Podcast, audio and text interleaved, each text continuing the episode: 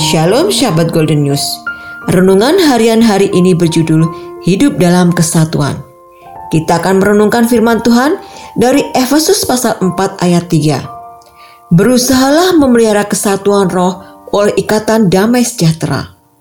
Sahabat Golden News, jika kita mempelajari mengenai kondisi kehidupan jemaat yang ada di Efesus ketika Rasul Paulus melayani, ternyata bukan hanya terdiri dari satu golongan masyarakat.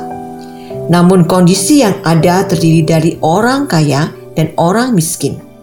Bahkan juga ada dari golongan kaum Yahudi dan non-Yahudi. Dan masih banyak lagi perbedaan yang ada. Dan tentulah di mana ada perbedaan, di sana pula ada pergesekan.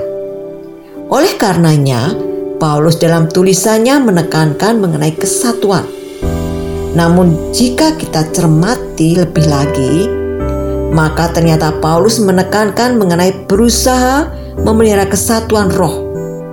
Ini artinya bahwa sebagai anggota tubuh Kristus dengan keperbedaan yang ada, justru saling melengkapi dan Tuhan sudah memberikan kesatuan itu.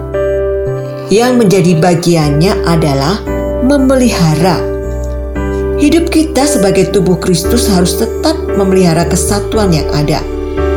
Dan ketika kesatuan itu terus terpelihara, maka akan ada damai sejahtera yang menyelimuti kehidupan kita. Terus melangkah dalam kesatuan roh. Hidup dalam kesatuan akan menghasilkan kekuatan.